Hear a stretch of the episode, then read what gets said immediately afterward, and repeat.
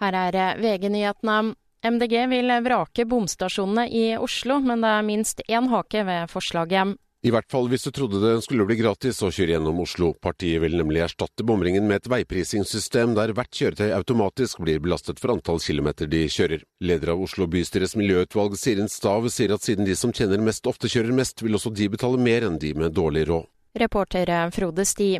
Politiet i Agder melder at de har pågrepet en kvinne som kom fra Danmark til Kristiansand i natt. Kvinnen er utvist fra Norge og ble nektet innreise. Nødetater rykket i natt ut til melding om branntilløp ved en skole på Åmot i Vinje. Politiet sier de har en formening om hvem som står bak, og at det fremstår som rampestreker fra savnede ungdommer fra en institusjon.